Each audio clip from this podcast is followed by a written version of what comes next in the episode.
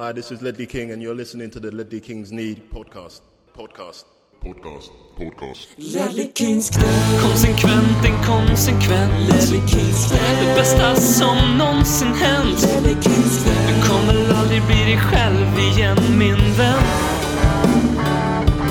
Ledley Kings knä, Här flödar hybrisen. Ledley Kings knä, När vi poddar på nytt igen. Ledley Kings knä, Du kommer aldrig bli dig själv igen min vän När min poddkollega BM på senvintern 2012 skickade ut en trevare på Twitter om det fanns ett intresse att starta en Tottenham-podd så högg jag ganska snabbt.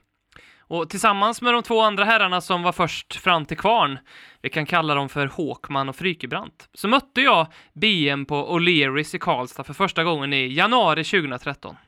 Jag vet inte om det var så att det var vi fyra som var de första att hugga på BMs tweet eller om han gjorde en noggrann selektering och silade och undersökte alla som räckte upp handen, men jag är ganska glad att det blev vi fyra. Det första avsnittet handlar om Petra Mede, eh, om Bales sena avgörande på West Ham efter en utsökt assist av Tom Carroll. Jag tror inte vi kunde ana då att vi åtta år senare skulle sitta här och starta vår nionde säsong av det som är Lelekins knä. Och helt ärligt så vet, jag tror ingen av oss riktigt vet om vi fortsätter med det här om åtta år eller ens om åtta månader.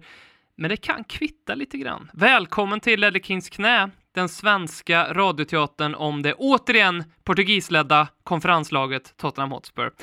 Robin heter jag och med mig för att dra ballen över gruset den här säsongen har jag den nyinflyttade värmlänningen. Den irländska siluetten vid katedern, mannen som delar initialer med Brian McFadden. BM, hur är läget?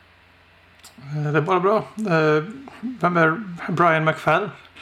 Jag tror att Brian McFadden är en person som eh, var med, person, en sångare som var med i Westlife. Jag, jag, jag fan, undrar om inte jag läste typ, alltså bara häromdagen om hans dotter som är wicca. Alltså uttalad tro på häxor. Alltså att hon är en häxa och har, följer den traditionen. För jag kände verkligen igen namnet när du sa det. Brian McFadden är absolut en um, sångare i Westlife, ja. Uh, har åldrats lite dåligt. Men Det, det är många som Och så gör. har han ju också en dotter då, som är häxa. Ja. Identifierar sig som häxa. Väldigt spännande. Vi kan väl börja här egentligen med eh, lilla Jockes eh, ord. Eh, en fråga han skickade in på Instagram. Vars fan har ni varit?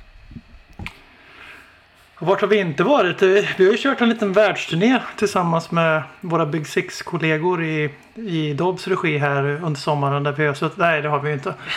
Eh, men eh, vi har, eh, jag har flyttat till Karlstad och renoverat och lyft möbler och klippt gräs och, och kört båt och lärt mig andra så här manliga attribut som jag, inte, som jag saknade innan. Men för att få medlemskap i Värmland så var man tvungen att till exempel gå på glödande kol, kunna fånga en pil som skjuts som en, en båge, fånga den mellan tänderna i luften. Och sen slåss mot en grizzlybjörn, knytnävshandgemäng. Så det, jag har liksom legat i hårdträning hela sommaren och eh, sen har det också varit jävligt skönt att eh, ta ett litet break från Tottenham. För vi, har ju, vi körde ju faktiskt genom covid-uppehållet. Mm. Och då kände vi att när det faktiskt är ett väldigt kort fotbolls eller Tottenham-uppehåll under sommaren 2021 då behöver inte vi prata om ingenting. Vi har ju, höll, har ju hållit i jävligt länge måste man ändå säga. Eh, jag tycker också, jag skulle, jag skulle vilja säga, det har inte bara varit skönt att stänga av Tottenham, det har också varit skönt att stänga av podden. För att Mm. på, på något sätt eh, få lite distans eh, till, till det hela. Eh, vi kan väl beröra the state of the pod lite grann, eller? Absolut. Eh, vi är ju inne på vår nionde säsong och eh, är väldigt ödmjuka inför det faktum att eh, vi har eh, en, ett, ett, eh, en förväntan från alla er supertrogna lyssnare att leva upp till. Så den ska vi göra. Eh, vi vill podda varje vecka. Det ser ut att bli onsdagar vi släpper avsnitt på den här säsongen. Och det beror ju på, på lite olika situationer. Jag själv kommer att vara med i det här avsnittet. Sen kommer jag att ta en liten paus här på obestämd bestämd framtid. Eh, sådär. Eh, mycket både kul och, och tråkigt som händer i privatlivet som jag vill ta ut lite svängrum för. Jag är som ett jetplan. Jag behöver, jag, jag kan liksom inte svänga runt i en eh, hästgård, utan jag behöver, jag behöver vara uppe i luften och, och svänga lite här nu, helt enkelt. Så att, eh, men det har ju ni lovat att eh, hålla fanan uppe. Nu lägger jag lite press på dig här, men eh, jag talar ju även till alla våra andra Lelle Kings knäkollegor. Och skulle det vara så att ni märker att eh, poddandet, du som lyssnar nu alltså, ifall ni märker att poddandet verkar stappla lite grann, då är det bara att höra av sig till, till podden och säga hallå, jag, jag löser det här åt er. Eh, Det är ju ganska många under åren som, som har gjort liknande saker på olika sätt. Vi har ju Emil Stjärneman och eh, Nestor som, som rattar vår Facebook och vår, vår fantasy. Eh, och vi har många vänner eh, runt omkring oss som, som rattar andra saker. Ehm, så att, och, och Jocke Wallin eh, kom ju inte minst, han ritade Lellekins knä eh, loggan och kom med. Robert Folin hjälpte oss att klippa konstaterade vi en gång i tiden och Jimmy Jonevret hänkade, hänkade på när, när jag och Håkman var de enda som var sugna på att podda en gång i tiden eller i alla fall var de enda som kunde, kanske rättare sagt då. Så det blir bra eller? Ny säsong Lellekins knä. Vad kan man förvänta sig Nytt som blod. lyssnare? Vad kan man förvänta sig? Ja, man kan förvänta sig att höra min vänna stämma. Eh, ib- Ibland har jag ju magkänslan att det kan kännas som att jag kanske ska sitta och prata med mig själv. Men jag, är, jag, jag tror jag kan klämma fram en imitation så att det kanske låter som att det är två personer som pratar. Eh, annars kan jag göra någon sån här eh, själ, själsökande resa i podden där jag varje vecka pratar med en annan människa om Tottenham. Vad är Tottenham för någonting för dig? Och så kan jag liksom inte bara prata med Spurs utan jag kan plocka upp eh, som vi hade någon förlupen idé om för något år sedan att vi skulle intervjua alla våra significant others i, i Just det. podden för att se liksom hur deras syn på vår relation till den här klubben är. Eh, Men eh, lite mer seriöst så förhoppningsvis ett avsnitt varje onsdag. Det är vad vi jobbar mot.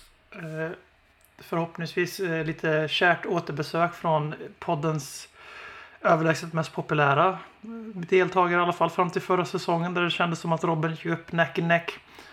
Så får ni själva lista ut vem jag syftar på där. Och eh, annars är det ju som Robin säger där att eh, känner man att man kan bidra och eh, har rätt utrustning vet, sin väg runt eh, ljudmixing och redigering eller vad man nu kan tänkas vara och framförallt ha, tycker om att surra Tottenham så skicka ett DM eller ett mail. Men eh, annars så den standardensemblen kommer ju att ge massor med saker. Vi kommer att ge Argentina vurm. Vi Mm. kommer att minnas och sörja Erik Lamela var, varje vecka avsnitt. Oj. Vi kommer att eh, hata Harry Kane och sen motvilligt för, förälska oss i Harry Kane igen. Vi kommer att eh, skratta åt José Mourinho i Roma. Jag vill ju nästan ersätta skratta åt topp 6 med skratta åt José. Eh, men då betyder det att jag måste kolla på Roma spela fotboll och det är ju Mm, det är inte jag någonting jag ens önskar på. mot min värsta fiende liksom. Så att eh, Det hade varit fruktansvärt sjukt om du efter det här um, stålbadet vi var igenom med Mourinho vid rodret sen också skulle bestämma dig för att följa han i nästa klubb. Fy fan alltså. Men nu har inte jag ett, ett riktigt andra. Jag vet att det finns många som håller på mer än ett lag i Europa och allt möjligt. Men alltså, alltså jag vet att det fanns några stycken där i somras eller i senvåren när det blev klart att han skulle ta över Roma. Att, som håller på Roma eller sympatiserar med Roma i Serie A och hur, liksom deras totala eh, desperation och eh, nästan så letargiska känsla inför att oh fuck. Mm. För att alltså, jag, kan inte, jag kan inte komma på många värre saker än att frivilligt följa efter José Mourinho nu när vi äntligen fått ut den cancerbullen från våran klubb. Ska vi... Så att, eh, ni kommer få samma inkonsekventa, konsekventa svammel. Det, det är vad vi lovar. Det låter väldigt bra. Ska vi beröra det kort då egentligen? Det, igen, på ett sätt har vi otroligt mycket att prata om och på ett annat sätt har vi egentligen ingenting att prata om eftersom att vi inte har spelat några matcher. Och det är klart, sen har det hänt väldigt mycket vid sidan av. Och, men vi måste väl kanske, vår, alltså Lamela, nu har vi smält det här med att han förra, i förra veckan blev klar, klar för Sevilla i en affär som kostar oss 25 miljoner pund. ehm, plus att vi fick Brian Gill, eh, den femte Beatles-medlemmen Brian Hill. eller han, ja just det, Hill, så kan man säga-. Eh, Jag tänker på Joe Hill, den gamla mm, sossen från Gävle, arbetaren, han som mm, eh, också har en otroligt intressant eh, eh, biografi. Eh, eller ja, ett, ett, ett livskapitel för sig, Joe Hill, kolla upp det. Men eh, Brian Hill, eh, hur mår du av att vi har separerat med Lamela?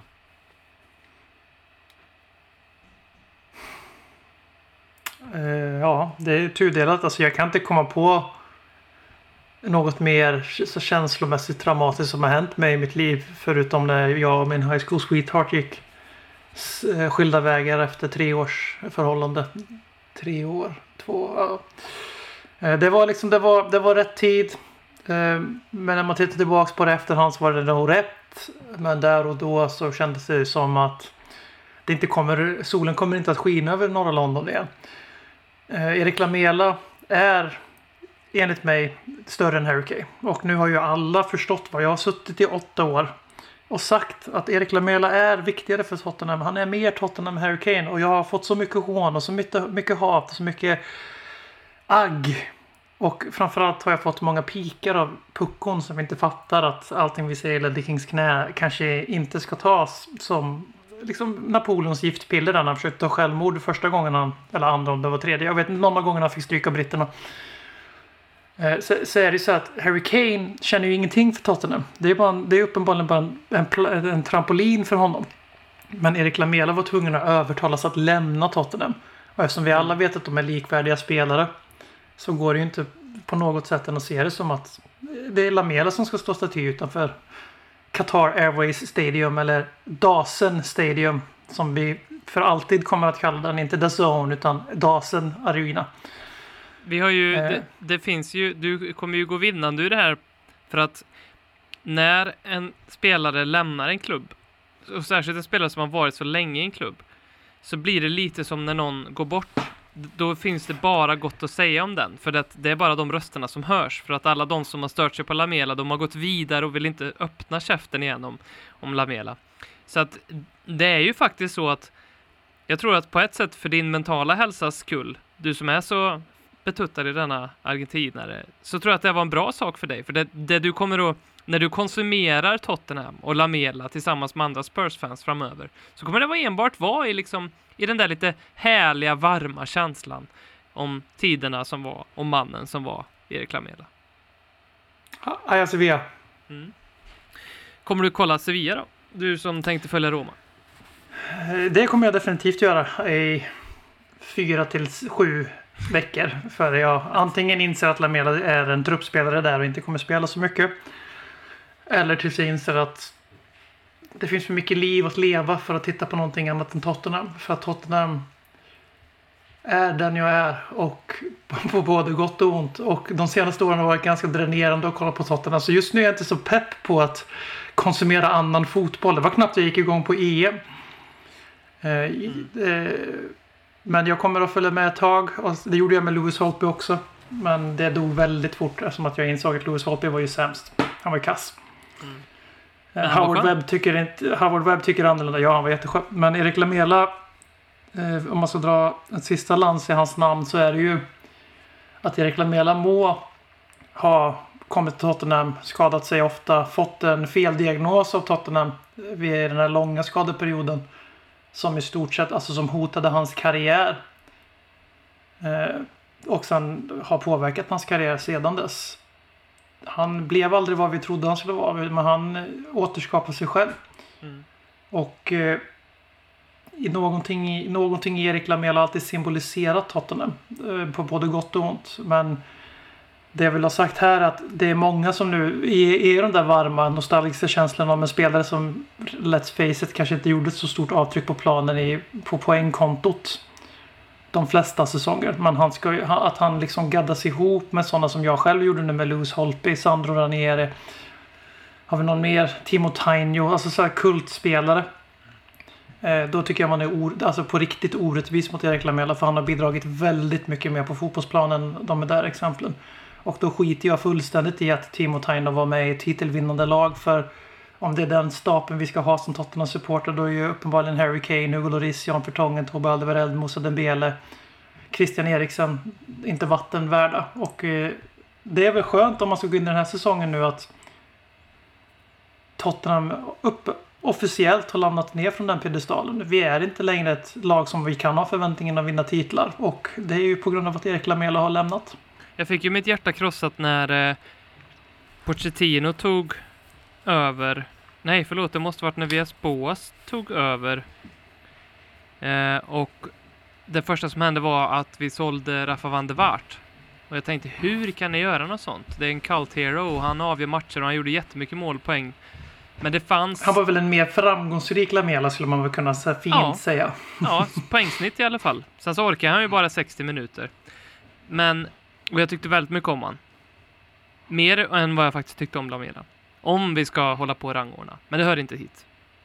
Men det jag insåg sen efter ett tag, det jag insåg sen efter, sen efter ett tag var ju att det var, det var, det var klokt. Det var, och jag tror till och med att det sipprade fram att, om, undrar om inte ens VS Boas har sagt det själv i efterhand, att han valde att göra sig av med vissa som, ehm, som, som kanske utåt sett såg lite konstigt ut, men för att han ville sätta en ny prägel på laget och ville ha, eh, ha in sitt ord. Och Rafael van der Vaart var väl antagligen en sån person som var en stark kulturbärare i eh, omklädningsrummet eller av någon form av kultur. Han hade en stark röst kanske i, i omklädningsrummet och eh, jag tror det är samma med Lamela. Eh, han är kanske inte den som styr en inställning eller en attityd i en match. Han kanske inte är den som kommer in i ett omklädningsrum och signalerar någonting som smittar av sig på alla andra.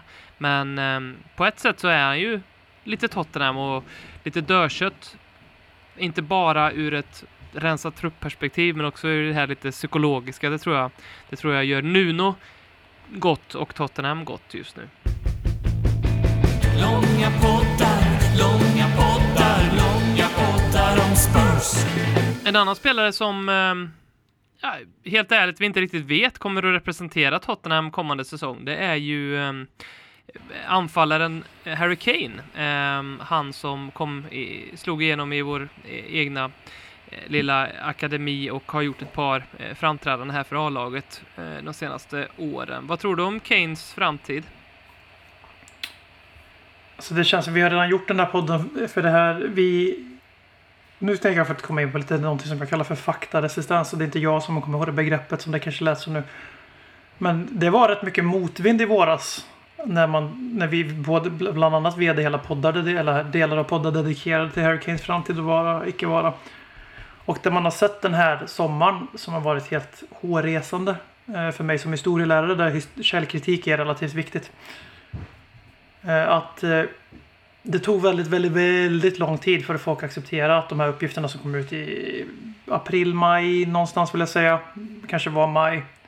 Det, hade, nej, det var tidigare, sen så blev det väldigt tydligt i maj där. Men Det var väl i maj någon gång här Ja, intervjun det var med med. Neville-intervjun, ja. Men det var ju, det var ju, Athletic bland annat var ju ute tidigare än så. eh, Med att han ville lämna och att han hade velat lämna inför förra säsongen också. Och ansåg sig ha ett gentleman's agreement och bla bla bla bla bla. Fan hans moster. Eh, och då har man sett att på grund av att det är Harry Kane. Så är det människor som försvarar honom till sista blodsdroppe och ifrågasätter media och inte tar någonting. Och så det är som med fotboll. Du kan inte man kan inte värdera de här journalisterna efter varje enskilt uttalande för att fotboll är väldigt fluktuerande. Det händer saker hela tiden. Det som är sant för fem dagar sedan, att Lautaro Martinez i stort sett var klar för Tottenham. Det är inte ens nära längre eftersom att eh, Chelsea gick in och drog loss Lukaku innan.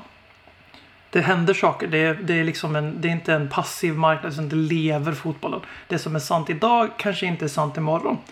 Men det, det jag menar med Kane är att där har vi haft en motvillighet att acceptera och på grund av allt han symboliserar med Tottenhams resa till toppen.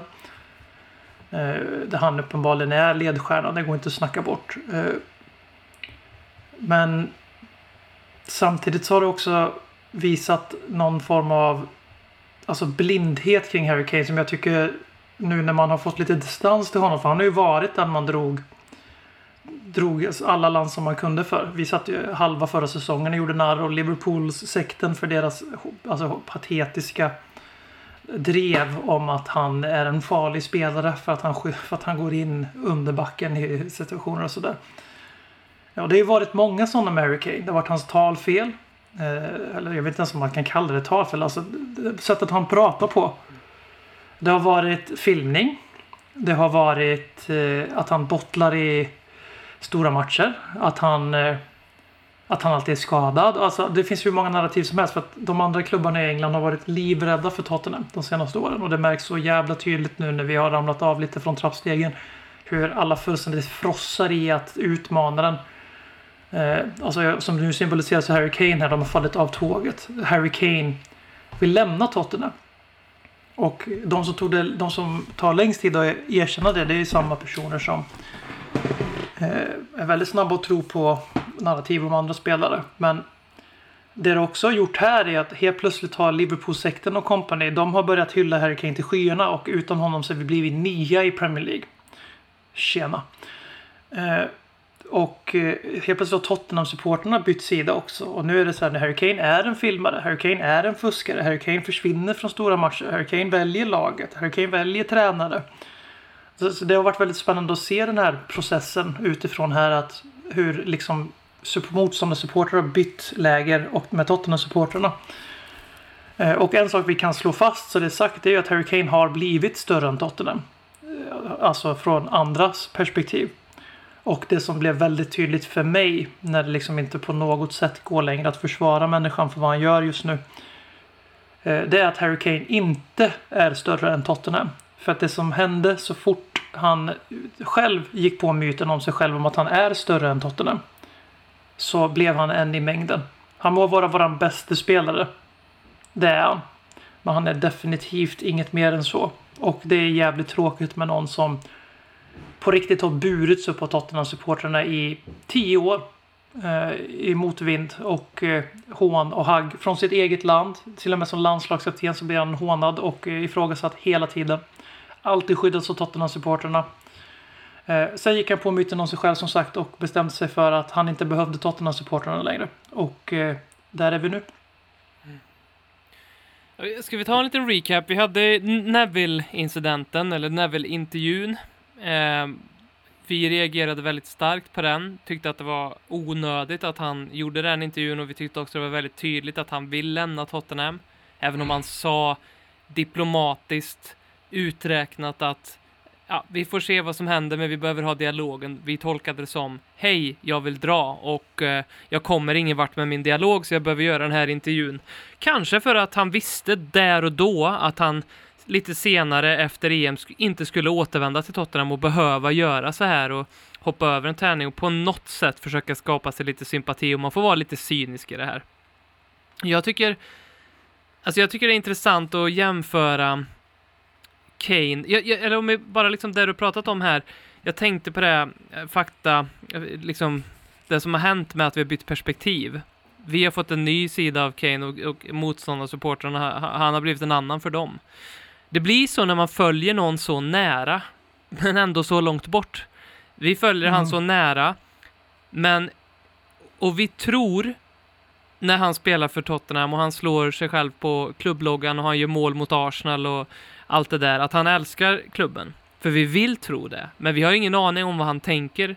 Och därför blir det en sån frontalkrock när det här händer. För det blir ju inte bara, det blir ju, det är bland det jobbigaste som kan hända tror jag för oss människor. Att vi får våra, vad ska man säga, uppfattningar grusade om, om någonting. Och det kan vara om, om, någon i vår närhet eller någon i vår närhet men som inte en indirekta närhet då, som i Harry Kane-fallet. Eh, så jag tror att det har drabbat många Tottenham-fans ganska hårt det här med Harry Kane, därför att han inte bara symboliserade ett nytt Tottenham som var på väg upp, utan han också erbjöd någonting nytt när alla stod där och sa att han, han är en one season wonder, han kommer lämna Tottenham. Nej, det verkar inte så. Och så nu verkar det ju så. Jag tycker det är intressant också att tänka lite, jag jämför med Bale. För jag blev väldigt förvånad över folks inställning när Bale kom tillbaka till Tottenham. Ja, nu får jag faktiskt dra upp den igen. Ni som har följt den här podden vet att jag har, liksom, Bale har varit superminus för mig. Det var för att Bale gjorde precis jävla samma sak som Kane. Så jag vet inte om det är att folk i allmänhet har en mycket större förmåga att komma över saker och förlåta än vad jag har.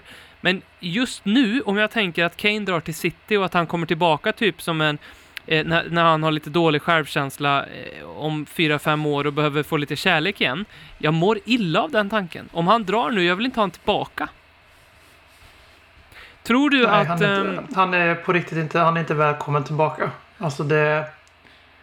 Eh, för om man ska, jag, jag förstår din liknelse. Jag håller med i, i mycket. Det, jag, det, det man ska komma ihåg här som jag, jag vill minnas att jag har i alla fall sagt i podden. För jag vet att jag har skrivit det mycket på Twitter. Rationellt så är det inte konstigt att Harry Kane om. Nej. För vi har, sen han skrev det där, för, som det du var inne på, liksom, han var symbolen, eller som vi var inne på, att han var symbolen för ett Tottenham på uppgång. Ett Pochettino Tottenham som faktiskt på riktigt kunde bli det här laget som inte gör en Leicester, ingen offens mot dem, de har vunnit två titlar och en försäsongsturnering. Eh, fantastiskt. Alltså det, Leicester är ett föredöme och jag väljer hundra gånger hellre den modellen än att välja City-modellen. Tottenham var Leicester före Leicester blev Leicester, sen gick Leicester om. Eh, men det som, det som vi ska komma ihåg är att när han skrev det kontraktet då var Tottenham som sagt allting pekade uppåt, allting var bra och sen har det gått tre år där det har gått åt fel håll. Det går, det går inte att snacka bort. Tottenham är längre ifrån ligatiteln idag än vad de var 2018, det fattar vem som helst. Och han blir inte yngre, tyvärr åldras man ju under de här perioden. Eh, men det man ska komma ihåg om man jämför med Gareth Bale, varför jag tycker att Harry Kanes svek är värre. Och nu tänker jag inte hålla på med det att han spelade sedan alltså han var 10 i Tottenham och Bale han värvades som 15-åring, 16-åring, bla bla bla. Det, det är skitsamma. Utan det är ju det här att Harry Kane har spelat i Tottenham som från att han klev in i A-laget fram tills Jose- alltså Maurizio Pochettino fick sparken bara gick uppåt. Vi bröt ny mark hela tiden. Till och med vår sämsta säsong under Pochettino när han hade rodret en hel säsong. Gick vi till Champions League-final och blev fyra. Fram till januari det året så var vi med City och Liverpool. I, och hade tagit 50 poäng ungefär när det blev jul.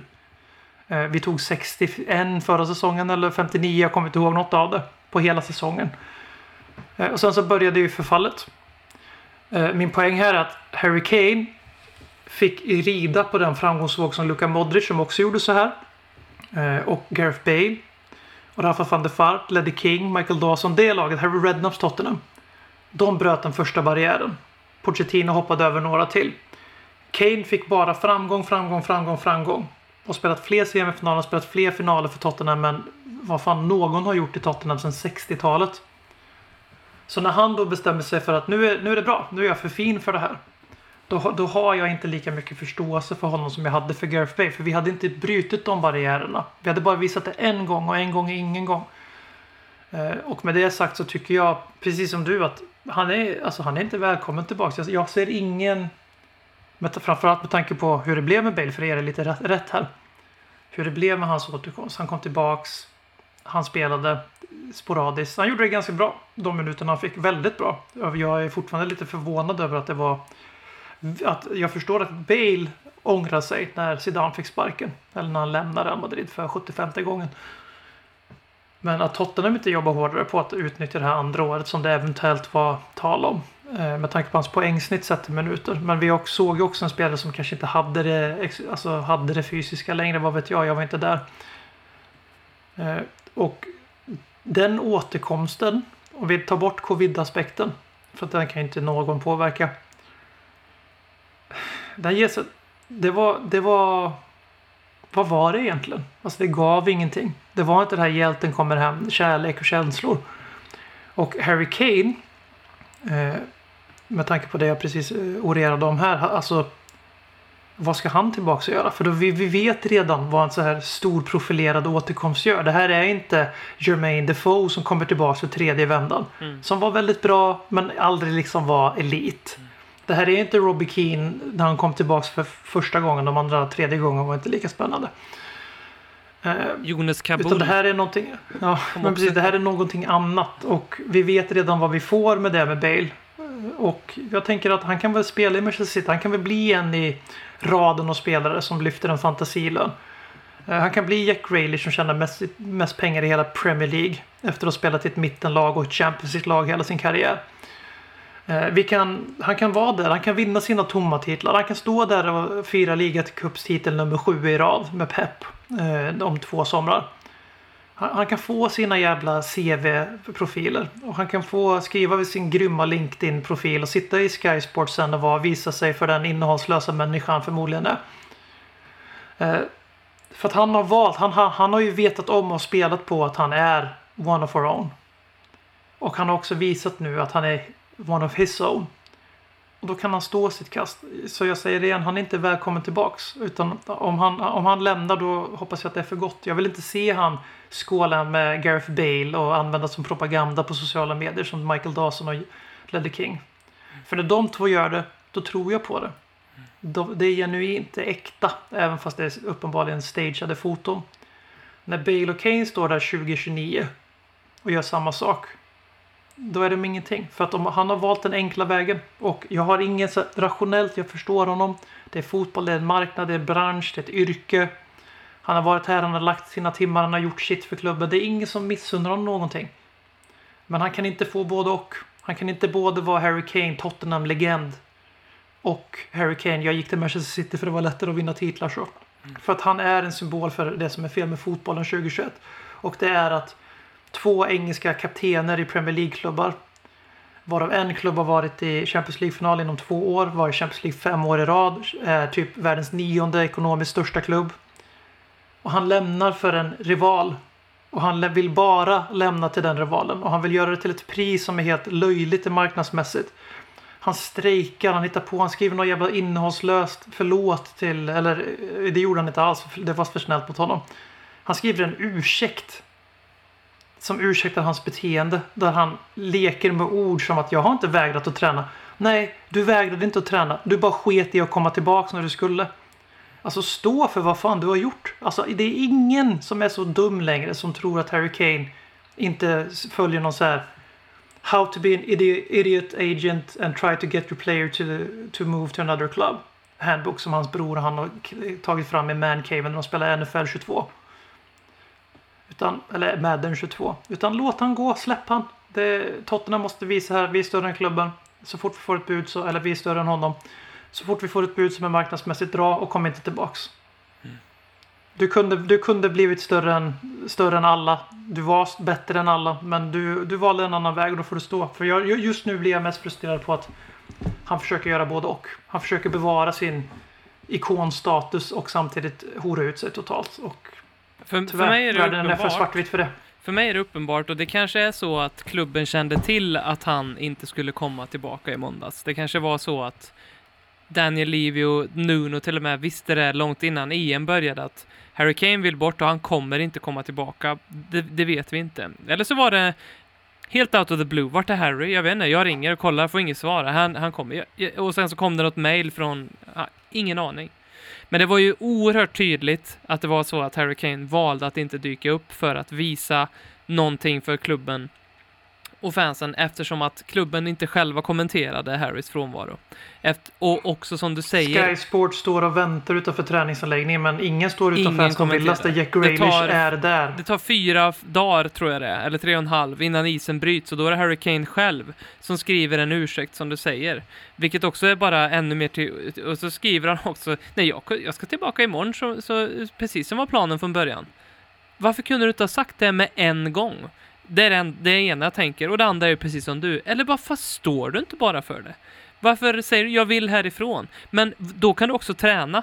För jag tror att, för mig är ju dörren jättestängd för Harry Kane i Tottenham den här säsongen. Hur ska han kunna komma tillbaka till laget bara, ah tjena, eh, nu, nu kör vi, jag ska spela på topp va? Ja, jag tar straffarna också. Eh, ah, eh, bra, jag, eh, alltså, bort, eh, hur kan det vara bra i ett lag att en sån stor spelare kommer tillbaka och bara blir given? Jag vet inte, det, jag vill tro att det är så. Sen så kanske det blir det är jättelätt att förlåta där när han i tredje omgången tror jag vi möter Arsenal och han har gjort eh, ett hattrick och då, då kanske det är liksom jag, jag kommer bli som han den där Arsenal-supportern som eh, varje gång Harry Kane gjorde mål i EM satt ner och vägrade att fira. Jag, jag, jag känner nästan på mig att jag kommer liksom, mm, okej, Kane gjorde mål, bra, ta av sparken då. Så kör, alltså, jag, jag har nästan, tyvärr den känslan. Mm. Vi ska vara ärliga med det. Det är klart att han har betytt mer än många andra och att han är vår bästa spelare. Alltså det är ingen som säger emot. Och det är klart att det gör ondare. Till och med när Bale gjorde samma sak. För då, som sagt, vi hade inte, vi hade inte klättrat upp på det där sista trappsteget. Sen har vi ju lärt oss de senaste åren att bara för man kommer upp på sista trappsteget så visar det sig att det är en extra stege där. För fotbollen är ju uppenbarligen så du kan, kan inte vinna saker längre om inte du, om inte du spenderar mest. nej. Eh, där det finns, du, ja, Leicester, bla bla bla, fuck off. Eh, det är inte på riktigt, utan det är Manchester City som kommer att vinna titlar i England. Det är Chelsea som kommer att utmana och Manchester United. Jag tror till och med Liverpool får svårt att hänga med i framtiden om inte de ändrar filosofi. Eh, om fem år kommer vi sitta i podden och tycka synd och sympatisera med Liverpool som att de vore Leicester. Eh, och som sagt, det är, alltså, jag hade inte ens jag, var inte, liksom, jag trodde aldrig han skulle bli såld den här sommaren på grund av kontraktslängden och att den är Levy, den är Levy. Men att se folk attackera Danny Levy för att han inte går med på att sälja sin talisman, sin bästa spelare, klubbens inofficiella kapten, Englands landslagskapten, för under marknadsvärde för att eh, klubben som vill köpa Harry Kane, de köper Jack Grealish för 100 miljoner pund och sen tror att de ska få Harry Kane för samma summa. För att Harry Kane vill ha det så. Och eh, liksom det är inte bara, det är inte bara Harry Kanes one of our own grej som dör med den här förmodade övergången. Utan det är ju också igen som det här kommer de tre City-supportrarna som finns i Sverige älska. Men fotbollen får ju ännu ett kniv i sitt, i sitt döende kropp här när Manchester City går in och plockar rivalers bästa spelare, alla Bayern München i Tyskland. Och det är på den vägen vi är på väg. Så jag hoppas att alla motståndarsupportrar som sitter och njuter av att vi blir av med Harry Kane.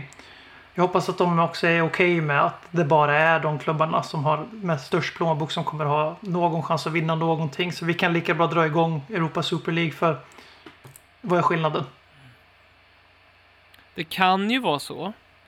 Alltså om man tänker tillbaka på Bale-sommaren och nio. Vi gjorde sju värvningar för ett väldigt, väldigt stort belopp. Det är ju ett mönster som går igen den här sommaren. Vi gör väldigt mycket värvningar och vi ryktas kors och tvärs med nya spelare och helt plötsligt har vi råd att eh, köpa Lautaro, Lautaro Martinez för 70 miljoner pund och sådär. Den sommaren, Bale-sommaren, då var det ju lite grann så att Livi visste att jag kommer att sälja Bale. Eh, och det var ju exakt samma typ av rykten som det är nu. Och Bale vägrade träna och allt det där. Och sen på sista dagen på deadline day, ja men då, då blev det officiellt. Och jag har lite, en liten hunch om att det, var, det är precis det som händer just nu. Att um, ja. Kane, Kane kanske är inte överens med, med Tottenham. Kane tyckte att nej, men jag vill ha så här lång semester. Tottenham sa nej, du ska komma tillbaka då. Kane säger ja, fast vi har redan kommit överens om att jag ska säljas. Jag tänker komma tillbaka då och det är det som är, det är det vi ser nu. Men att båda lägren ändå vet om att ja, ja, fast du kommer ju att gå till City på deadline day. Och eftersom att Levi vet att säljer jag, om jag gör som Villa nu och säljer Kane, då vet jag också att när jag går in i förhandlingar med andra klubbar så kommer de säga, men ni har ju jättemycket pengar nu, ni sålde för fan Kane.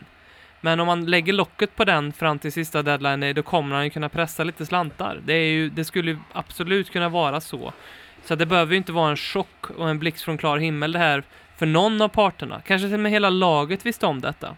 Även om Eric Dyer, jag vet inte om du såg det, Eric Dyers intervju i... Um, han, han, han sa någonting om att the people that chose to be here, sa han. Och det är väl ganska... Mm. Um, jag tror att det är väldigt uttänkt ordval av Eric Dyer. Och jag, jag, jag gillade också ett Instagram-inlägg där. Jag gillar det där lite grann. Att, uh, ja men, um, Tottenham kanske liksom kan sluta sig kring att okej, okay, vi är starkare nu som lag. Låt de som vill vara kvar här. Häng min son har för fan skrivit på ett nytt kontrakt. Han är ju vår näst bästa spelare efter Harry Kane. Så det, det, kan bli en positiv energi av att han lämnar. Mikael Nilsson har skickat en fråga. Eh, tar du Kane plus Citypengar plus spelare? Eller vill du ha Citypengarna bara? Eh, jag kan tänka mig Emerick Laporte. Eh, jag kan tänka mig Bernardo Silva. Eh, så länge som man fortfarande är markant högre än Jack Grealish. Jag tänker 120 milde till att börja med och sen någon av dem då. Eh, det kommer inte City gå med på för de kan sälja dem för en, som, en sån så, pass hög summa. Eh, och jag har svårt att se spelarna gå med på det. Men jag är absolut de två. Visst, Sterling är jag inte det minst intresserad av. Nej. Och han är inte heller intresserad av Tottenham om man så tror det. Men, Nej, självklart inte. Jag hoppas ju som du där att Alltså jag, jag kommer liksom, om han är kvar, Kane, han spelar igen från och med, han kommer ju sitta ut hela augusti såklart. Sen om han börjar spela i september för att han måste ju slå Premier League skytterekordet. Han måste ju spela för sin egen skull, för sitt CV. Eh, och eh, han måste ju spela så att han kan vara landslagskapten för England i VM i Qatar. Eh, denna magnifika fotbollsimperium som är på uppgång. Eh, då är det ju bra för Tottenham sportsligt och då får det vara så. För att han har ju valt att behandla oss så. Så då kan väl vi behandla honom som den legoknäckt han har visat sig vara. Så jag kan tänka mig att ha honom på lån en säsong före vi säljer honom för de här 100 miljonerna nästa år när han har två år kvar på kontraktet. Och då kanske han är öppen för att gå till någon annan klubb i världen också som inte bara är våran direkta rival och i våran egen liga och eh, som håller på att köpas under fotbollen sedan 2011. 10. Billigare än knark Roligare än terapi Ledley Kings knä för den du redan är Men också för den du vill bli Fan, har du sett några försäsongsmatcher? Eh, jag har sett lite, jag har sett med ett halvt öga Chelsea och Arsenal. Försäsong är helt ointressant för mig i det stora hela. Det har varit intressant att se skillnaden på resultaten mot ett relativt ordinarie Chelsea och ett helt ordinarie Arsenal där vi alltså tar fyra poäng så att säga av sex. Där vi spelar med en elva som vi inte hade höjt på ögonbrynet om det var våran elva i Europa Conference League. Eh, där typ fem sex gubbar inte är automatiska startspelare. Och så ser man det, prestationen och resultat och så jämför man med hur folk reagerar. Och så tänker jag att vi står inför en rebuild här. Alla vet om att det var det som skulle hända. Eh, och ändå så är kravbilden kvar på Mauricio Pochettinos peaknivå. Verkar det som. Och eh, det är ju bara en allmän upp, uppmaning till alla andra som är förälskade i det här fotbollslaget till punkt och bricka. Eller brist. Gå in med lägre förväntningar den här säsongen och försök komma ihåg vad fotboll är egentligen.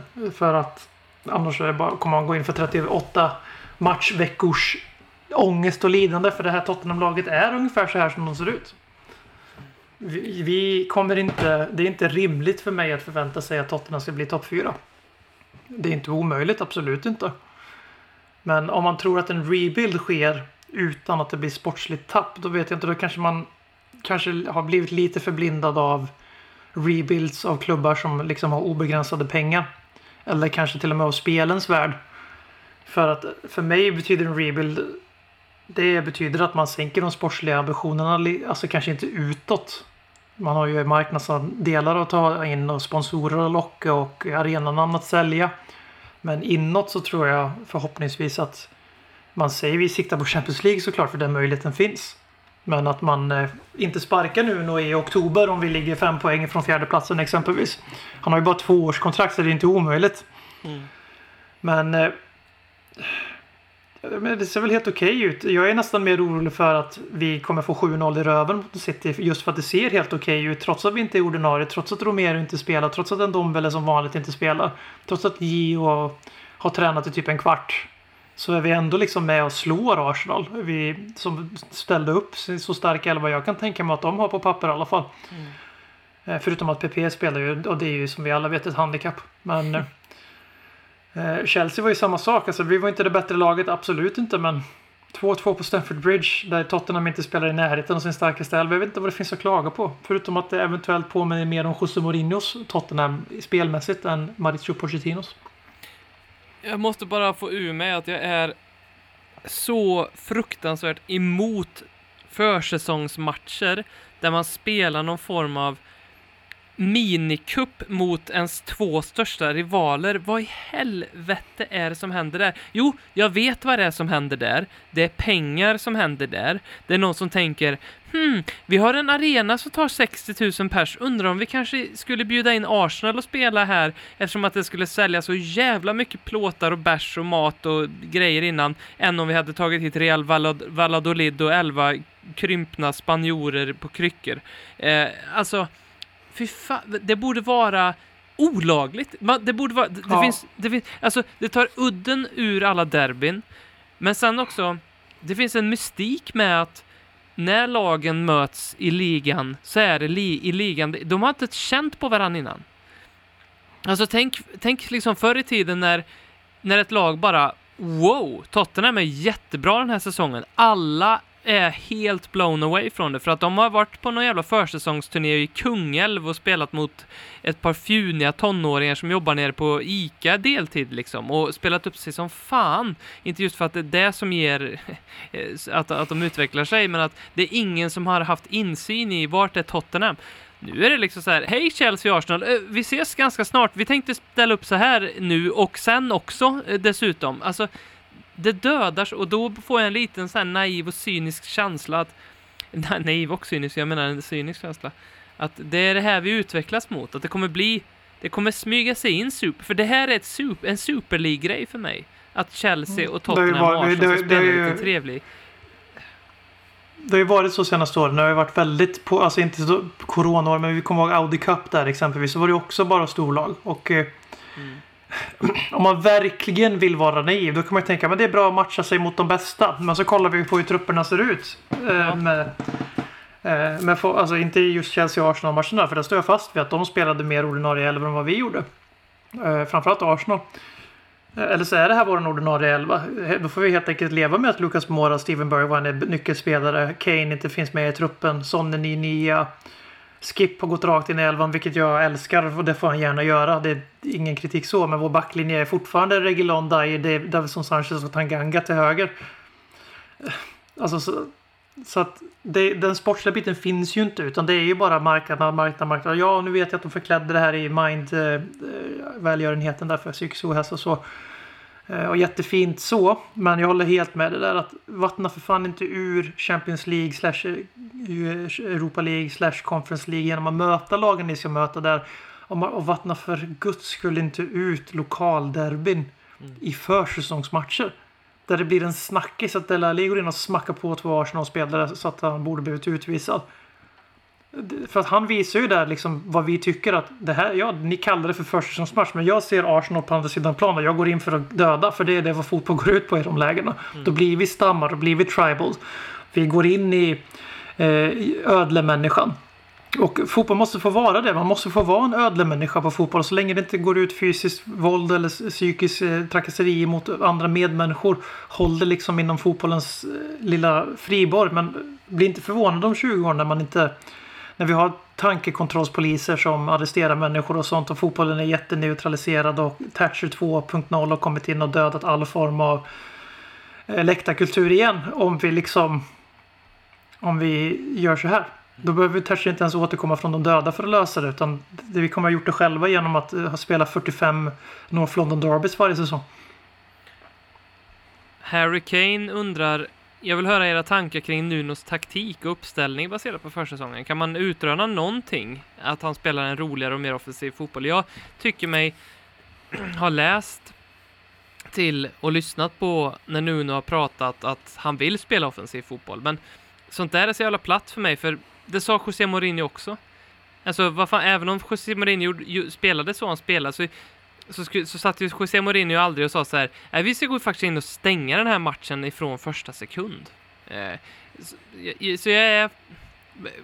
Behöver jag vara orolig för att vi ska, att vi ska få en ny Mourinho-säsong eller ska vi ha lite förhoppning om att det blir Pochettino-bål eller vad, vad tror du? Jag tror att det blir varken eller. Jag tror det blir mittemellan. Jag tänker Wolves den första säsongen i, i Premier League när de var ganska, alltså de var ganska kul att se på. Men de spelade ju kontringsbaserad fotboll.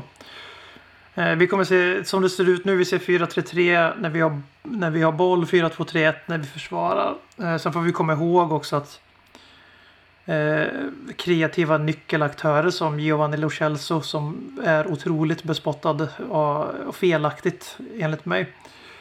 Och sen Tanguy Ndombele som är tyvärr åt andra hållet som är överdrivet hyllad för att han är väldigt vacker att se på när han spelar fotboll. Han är Moussa Dembele liksom. Det är väldigt estetiskt när han spelar fotboll. Eh, med skillnaden att han inte är Moussa Dembele. Eh, och eh, de två är ganska viktiga kreativa nav på vårt mittfält. Och jag älskar Pierre-Emil Hö- Höjbjerg. Och han var jättefin i Danmark när han fick löpa lite mer frilicens att och löpa framåt. Jag förstår tanken med Skip bredvid slash bakom som städar upp. Men då får man också ha rimliga förväntningar på hur bollduttandet kommer se ut. Och fotboll är subjektivt. Alltså det, jag tycker inte att bollinnehav för bollinnehavets skull är särskilt kul att titta på. Jag tycker inte Mo- Mobile är särskilt kul att titta på. Förutom när vi slår Arsenal, Chelsea.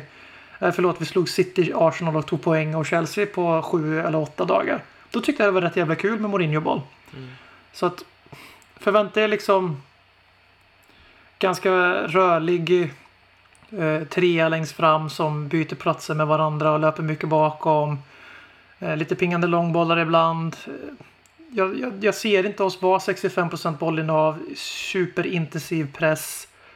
Eh, alltid gå för att döda från första minut. Jag, jag ser inte det i Tottenham men det finns en väldigt enkel förklaring just nu. Eh, Nuno, Nuno Espirito Santo kan väl bara, trots sitt namn som den heliga anden, kan ju inte bara magiskt förvandla den här trötta Pochettino-truppen som blev ännu värre under Mourinho. Och sen som de har fått in en reservmålvakt, en mittback som inte, som inte som presenterades mot Arsenal. Eh, och eh, en vänsterytter slash högerytter som var på OS. Och det är vad som har hänt. Alltså, hur många, hur många år ska vi sitta nu och klaga på truppen och säga att de inte har det längre och sen så ändå förvänta sig att nästa tränare ska komma in och bara lösa spelet så. Hade det varit så enkelt hade José Mourinho fortfarande haft ett jobb. Så att vi får lite tålamod här. Det är, vi, vi är renovering, vi bygger om. Lite som med podden just nu, att vi har lite tålamod, vi bygger om. Ursäkta röran. Jag har ju kommit till insikt att jag har nog aldrig haft så uteblivet med förväntningar inför en säsong på väldigt länge, om ens någonsin. Och med uteblivet med förväntningar menar jag inte riktigt att jag har låga förväntningar, utan jag menar att jag, jag har inga förväntningar. Alltså jag Det tänker... kan bli vad fan som helst. Det, ja, exakt. Och det är för mig en bra sak. För då vet Mm, jag att jag med. inte kommer att eh, tycka att... Alltså jag, jag kommer rycka på axlarna när vi förlorar mot City och, Arsenal om vi gör det. Och ehm, samtidigt så har jag också en liten lockande känsla att jag vill bli medryckt. Jag vill slå på tvn och se City Tottenham och att vi spelar på ett visst vis och att vi har en filosofi igen och ett projekt igen. Och då kommer det inte smärta lika mycket att förlora för då vet jag att ah, då ser jag de där teckningen, tecknena som jag inte såg då men som jag i efterhand kan se att de fanns där i början på Pochettino-tiden att här var det någon som kom in med en idé och en filosofi och ett projekt snarare än någon som kom in för att försöka som Mourinho då. Vi hade, vi hade ju fan den bästa Förvalta. truppen vi, vi någonsin har haft i, inför förra säsongen. Det, det står jag fast vid. Eh, men som bara kom in för att eh, försöka backa sig in i en trofé. Och det gick nästan också. Men fan vad gött att han fick kicken en vecka innan han fick kunna stå där i Roma och säga att han vinner en titel vart han än tar vägen. Fan vad gött det var att han, att han försvann. Eh, Kalle, Kalle Men vi kan Kvist- väl göra en win här. Alltså, jag, jag tar ju hellre, jag tar hellre på riktigt alltså 10 titellösa år där, det, där, där jag tror på Tottenham än att Mourinho vinner en jävla ligacup. Självklart. Alltså hundra, hundra, alltså jag, Alla jag skämtar inte när jag säger Stäng det. av då! Vad- vad- Jag vet att det är någon som sitter och tänker, men vad är det här just nu? Stäng av då! Det Jag, är... kan- jag kan ju inte bry mig mindre. Alltså, jag, om inte jag älskar det Tottenham som är på banan, varför ska jag bry mig om de vinner en ligacupstitel för? Alltså, det, det gör inte mig någonting. Alltså, det, det påverkar inte mitt liv. Var- Varför ska jag gå på, runt på stan i Karlstad med ligacupsbucklan 2021 eh, tra- tatuerad på torson eller? Mm. Nej, det kommer inte hända. Jag kommer aldrig tatuera in en Premier League-buckla eller en Champions League-buckla eller någonting Tottenham vinner. För Tottenham är inte titlar för mig. Alltså jag börjar inte, alltså jag vet att det är, o, det är ovant för många Glory Hunters där ute men fotboll är fan inte bara titlar. Så jag håller helt med dig. Jag har ingenting att lägga till där om förväntningar. Det är exakt där jag är också. Kalle Kvist eh, skriver att han fortfarande är tveksam till Nuno, vilket jag förstår, för jag har väl också, ja men likt Mourinho egentligen, så, så har jag, så tänker jag bara, okej, får- vi får se, eh, upp till bevis. Men han skriver Vänta, också... Robin, du menar att om du... Jag kör på frågan. Läs färdigt frågan. Ja, men frågan är eh, en helt annan än vad du tror. Vilka före detta målvakter har Jaha, egentligen okej. lyckats som manager? Ja. Ja, Nuno uppenbarligen. Han Ja, har haft en ganska bra karriär även om han inte vunnit massa titlar. För att det är inte kravbilden i Wolverhampton och eh, Valencia när han var där. Eh, kanske det går att diskutera om han kunde ta någon cuptitel kanske för det tror jag de gjorde ganska kort inpå. Sen tror jag, om jag minns rätt nu så eh, hade han väl Porto ett kort tag och där är ju kravbilden titlar men allvarligt i portugisiska ligan.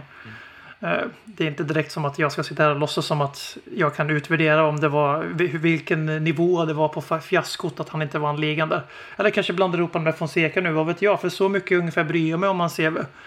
Eh, Jag är lite där jag var med Pochettino, att okej, han gjorde det bra i SA-15. vi får se vad som händer här. Och eh, målvakter som har blivit bra tränare, jag kan inte komma på en enda för jag lägger inte sådana detaljer på minnet om jag ska vara ärlig. Jag, kommer nog inte, jag kan nog inte ens komma på en till elittränare som har varit målvakt.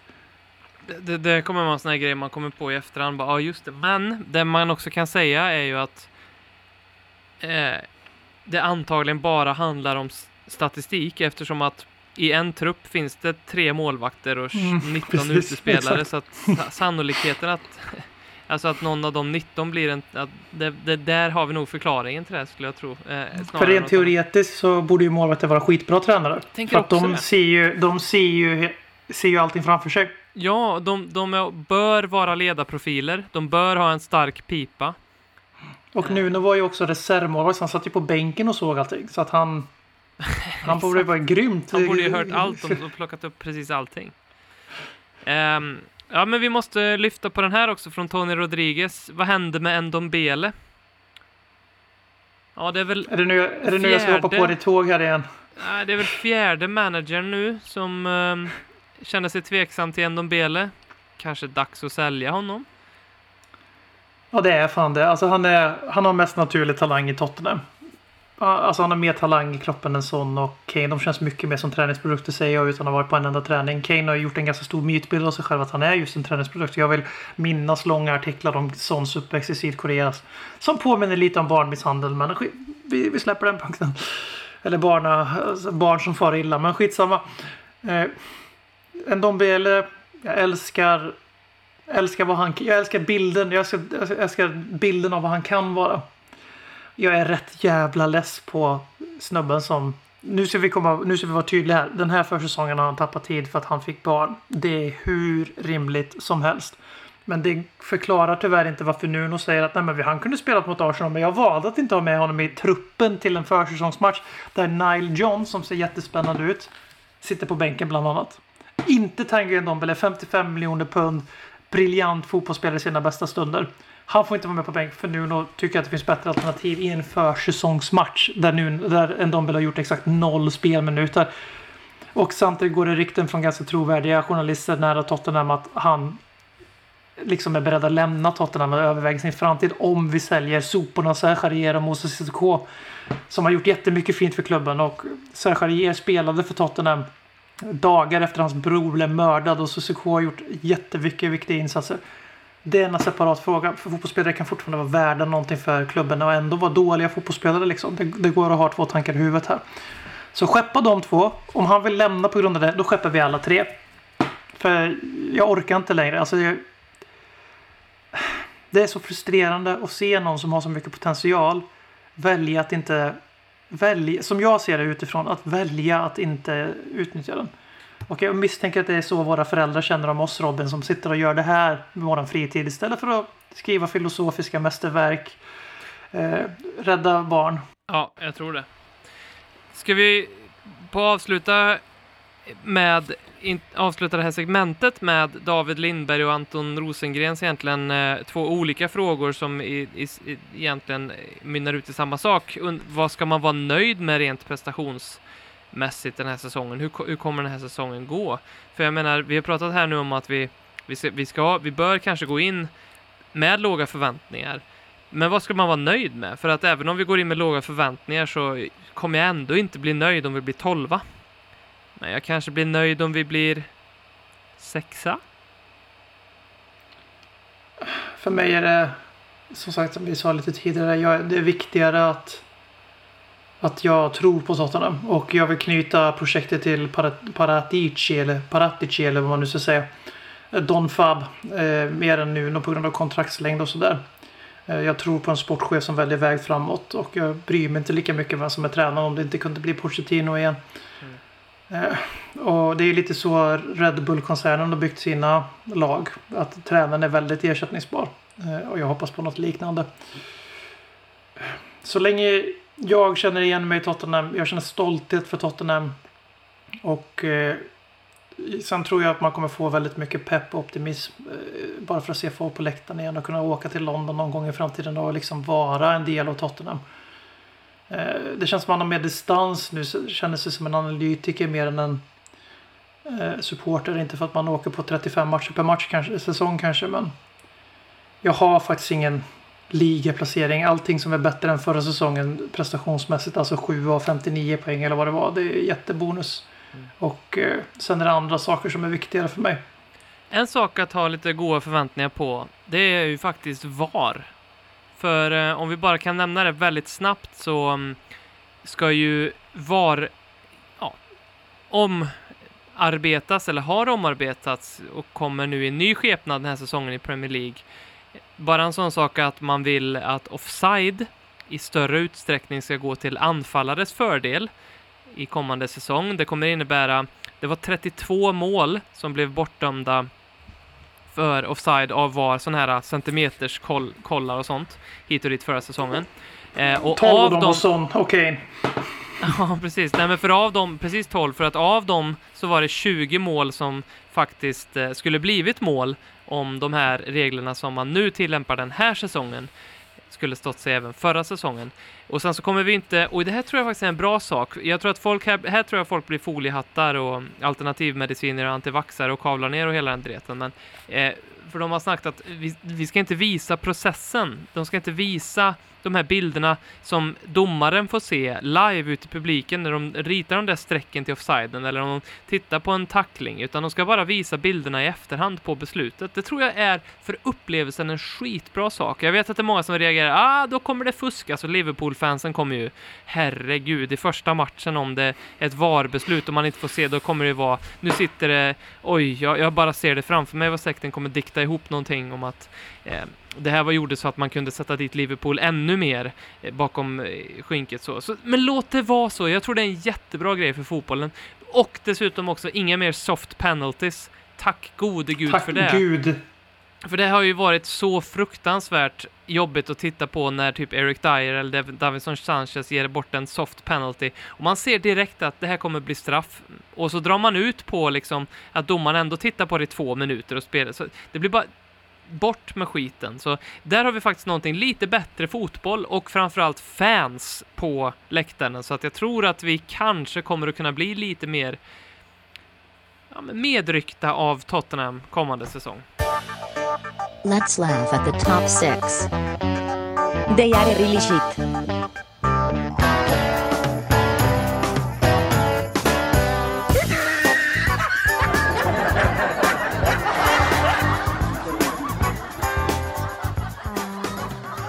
Men har vi någonting eh, att skratta åt topp 6?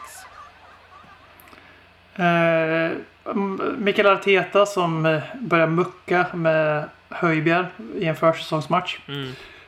Skrattar vi åt. Arsenal Football Club som köper Ben White för 50 miljoner pund. För att han har gjort en bra säsong i Premier League i Brighton. Eh, samma Arsenal som spelar i stort sett ordinarie 11 inklusive Ben White och PP och alla andra miljardvärvningar de har. Förlorar mot Lucas Mora, Steven Bergwijn, Della Alli som någon form av mittfält, central mittfältare för första gången på år och dagar. Eh, en backlinje som består av Erik Dyer, Davison Sanchez och Jafet Anganga som dagen innan typ hade tackat nej till ett lån till Galatasaray. Eh, så att jag, jag inledde starkt med att vi, vi skrattar åt det här miljardbygget för att jag kommer ihåg så väl i våras. Både, så nu kommer nästa skratt och topp 6 in här också. När framförallt Manchester United-fansen var väldigt, alltså nästan föredömliga i sina protester mot sin ägarsituation i, i blötvattnet av European Super League. Eh, men även Arsenal-supportrarna eh, var ju otroligt eh, mobiliserade väldigt bra och protesterade och oj vad det var ägaren som var problemet. Men sen så helt plötsligt så Europalösa Arsenal som inte spelar i Europa första gången på 25 år. De har helt plötsligt hittat massor med pengar under madrassen. Och Manchester United-supporterna som minsann inte ens tänkte köpa sin hemmatröjan i år för att då ger man pengar till Glazers. De blev väldigt tysta när Varan och Sancho presenterades. Och helt plötsligt blev man bara så här att allting supportervärlden visade de där vackra dagarna när Europa Super, European Super League presenterades och dödsförklarades. Det var bara skitsnack. För att det handlar bara om att de vill att de två klubbarna, Manchester United och Arsenal, de som har ramlat ifrån, för de var ju världsledande dominanta klubbar när jag blev upptäckt i Premier League i alla fall. Eh, och de har ju ramlat ganska långt ifrån den, framförallt Arsenal då, har ju ramlat otroligt långt ifrån den nivån. Och sen så visar det sig i sina sanna färger att det är bara viktigt så länge eh, deras ägare inte gör exakt som supportrarna vill, alltså fortsätter gödsla in pengar och döda fotbollen. Så jag skrattar åt deras hycklande och sen så säger jag även att det är vackert att vara hycklad som supporter men ha lite lägre tonläge nästa gång. Jadon Sancho kommer bli den största floppen i modern tid. Han kommer överta Nicolas Pepe. Så eh, det säger jag nu eftersom att mina spaningar håller ganska bra. Kommer ni ihåg den här spaningen jag hade om att Harry Kane inte var vatten värd? Ja. I det långa loppet, vem... Va? Kommer ni ihåg den här spaningen jag hade om att Gareth Bale... Nej. Mm. En Dombele. En Dombele. I'll. Eh, jag tycker det var kul att se Klopps intervju efter eh, Andy Robertson. Eh, hoppas det var ju inga trevliga bilder man såg på hans fot som totalt trapp, ja, trampades. Men jag ska inte skratta åt det, jag ska skratta åt eh, Klopp som när reporten frågade Har du sett det här klippet? Nej, Förresten. jag, jag, jag Nej. håller mig så långt borta från sekt, sekten content jag bara kan. Ja, men det här går bra. För, för att Klopp har, han ser liksom ut som en galen professor, det har han alltid gjort, men en galen professor på ångor instängd i en källare som totalt har tappat all form av rim och reson. Han, han ser helt förstörd ut. Eh, och så ställer eh, reportern frågan eh, Will the plan be to have a scan? Och då svarar Klopp No, plan A is eh, to have a scan first thing tomorrow. Eh, så att han misshörde då, eh, han trodde, han trodde att reporten frågade är plan B att du ska ha en eh, scan? Will the plan be to have a scan? Men han, Mm. ja, det var så roligt att se, det säger så mycket på något sätt om att Klopp hör allting, och, äh, har, har bestämt sig för att allting är någon form av konspiration mot, mot Liverpool. Sen måste jag också nämna att Lukaku, han har ju blivit en spelare nu med sammantaget högst ackumulerad övergångssumma genom inom alla tider. Eh, det är kul också att Chelsea skryter med när de får skit för att de köper honom för så mycket pengar att ja men titta här på den här listan nu med allt dödkött och alla ungdomsspelare vi säljer. Ja, men det ni inte fattar, era puckon, är ju att Tomori, som ni har sålt nu för någon fin liten billig peng, eh, om, om några år så kommer ju Roman Abramovic, oj, vi köper Tomori för 100 miljoner och sen är det Guehu och Simeo och Bate som jag aldrig hört talas om. Ja, men om några år när Chelsea kommer på, oj, vi skulle inte sålt dem, då kommer ni ändå köpa tillbaka dem för 10, för det är det ni håller på med hela tiden. Um, så att det är ju inte en hållbar strategi över tid ändå, så att ni kan runka över det där, men ni kommer gråta över det sen. Några lyssnarfrågor Om inte som, annat bara för att de håller på Chelsea. eh, Martin Jonleden undrar om vi sitter i Martinez-båten. Eh, Lautaro eller Roberto? Lautaro. Ja, det har varit kul, men det dog ju. Vi fick ju inte ens en Dybala-timme. Vi fick eh, Lautaro, Lautaro-kvarten eller vad det var, tre minuter. Eh, jag, vill, jag är lite skeptisk till att se honom som nio i Premier League. Eh, alltså axla Kanes roll. Jag tycker helt enkelt att han inte han, han är inte tillräckligt eh, profilisk framför mål för det. Han, hans målfacit är inte dödligt imponerande för att spela sig inte. Sen har han ju också gjort ett väldigt bra jobb tillsammans med Lukaku som en del av ett tvåmannaanfall. Så det kan ju vara en tanke där han kan spela bredvid Son eller bredvid Kane. Eh, jag skulle inte tacka nej till Lautaro Martinez men jag, blir inte heller, jag börjar inte heller gråta floden när det visar sig att det, den enligt engelska journalister över, överenskomna budet på 60 miljoner pund eh, sen inte blev accepterat eller drogs tillbaka eller vad man ska säga när de sålde Lukaku och nu enligt mig kör en ganska tydlig eh, profilering mot att inte sälja för att kräma ut så mycket som möjligt och sen kanske sälja ändå för det verkar vara kaos i Inter. Sen om det inte är så, det, som sagt, det it is what it is. För att citera en före detta Tottenham-profil. Mm. Och jag som inte har sett en minut med den här människan äh, känner varken, varken bu eller be. Pluskonto på att han är argentinare. Ja, verkligen. Verkligen. Mer argentinare.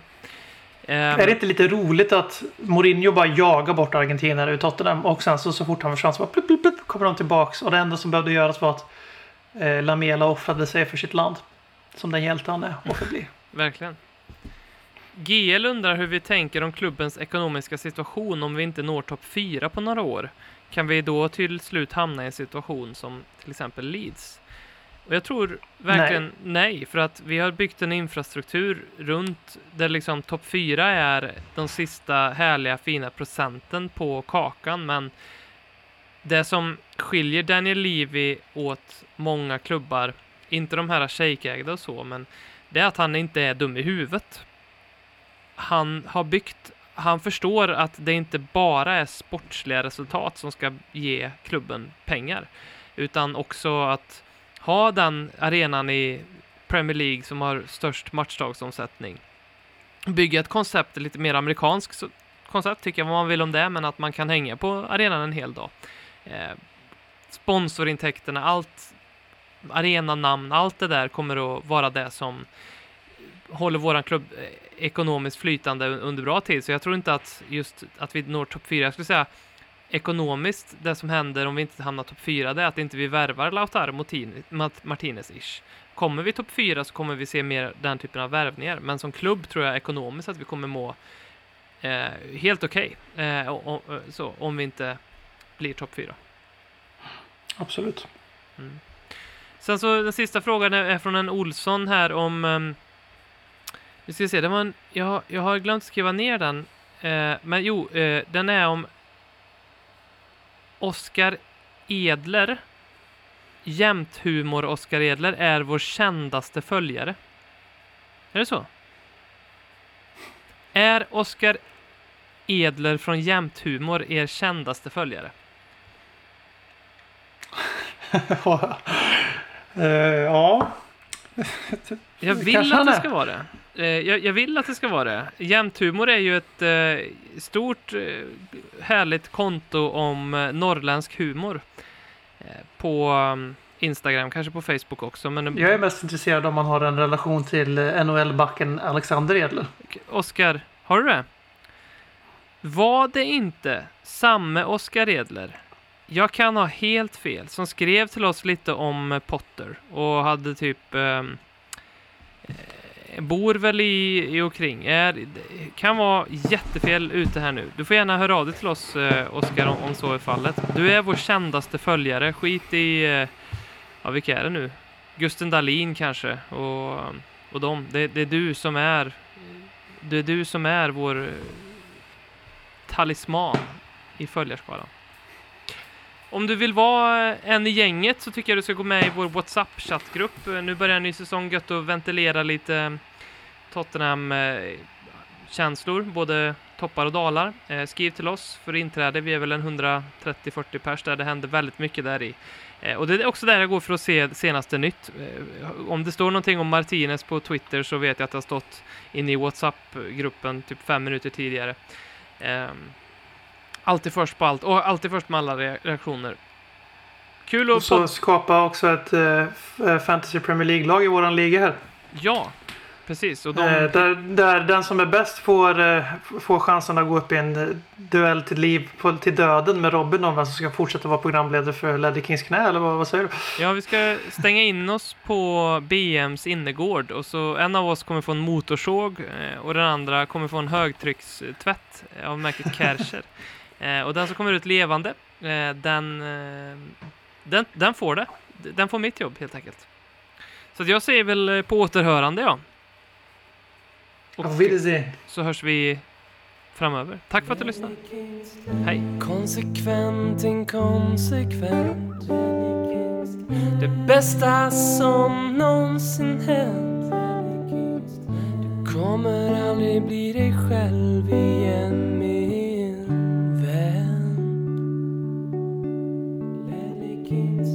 Här flödar hybrisen. När vi poddar på nytt igen. Du kommer aldrig bli dig själv igen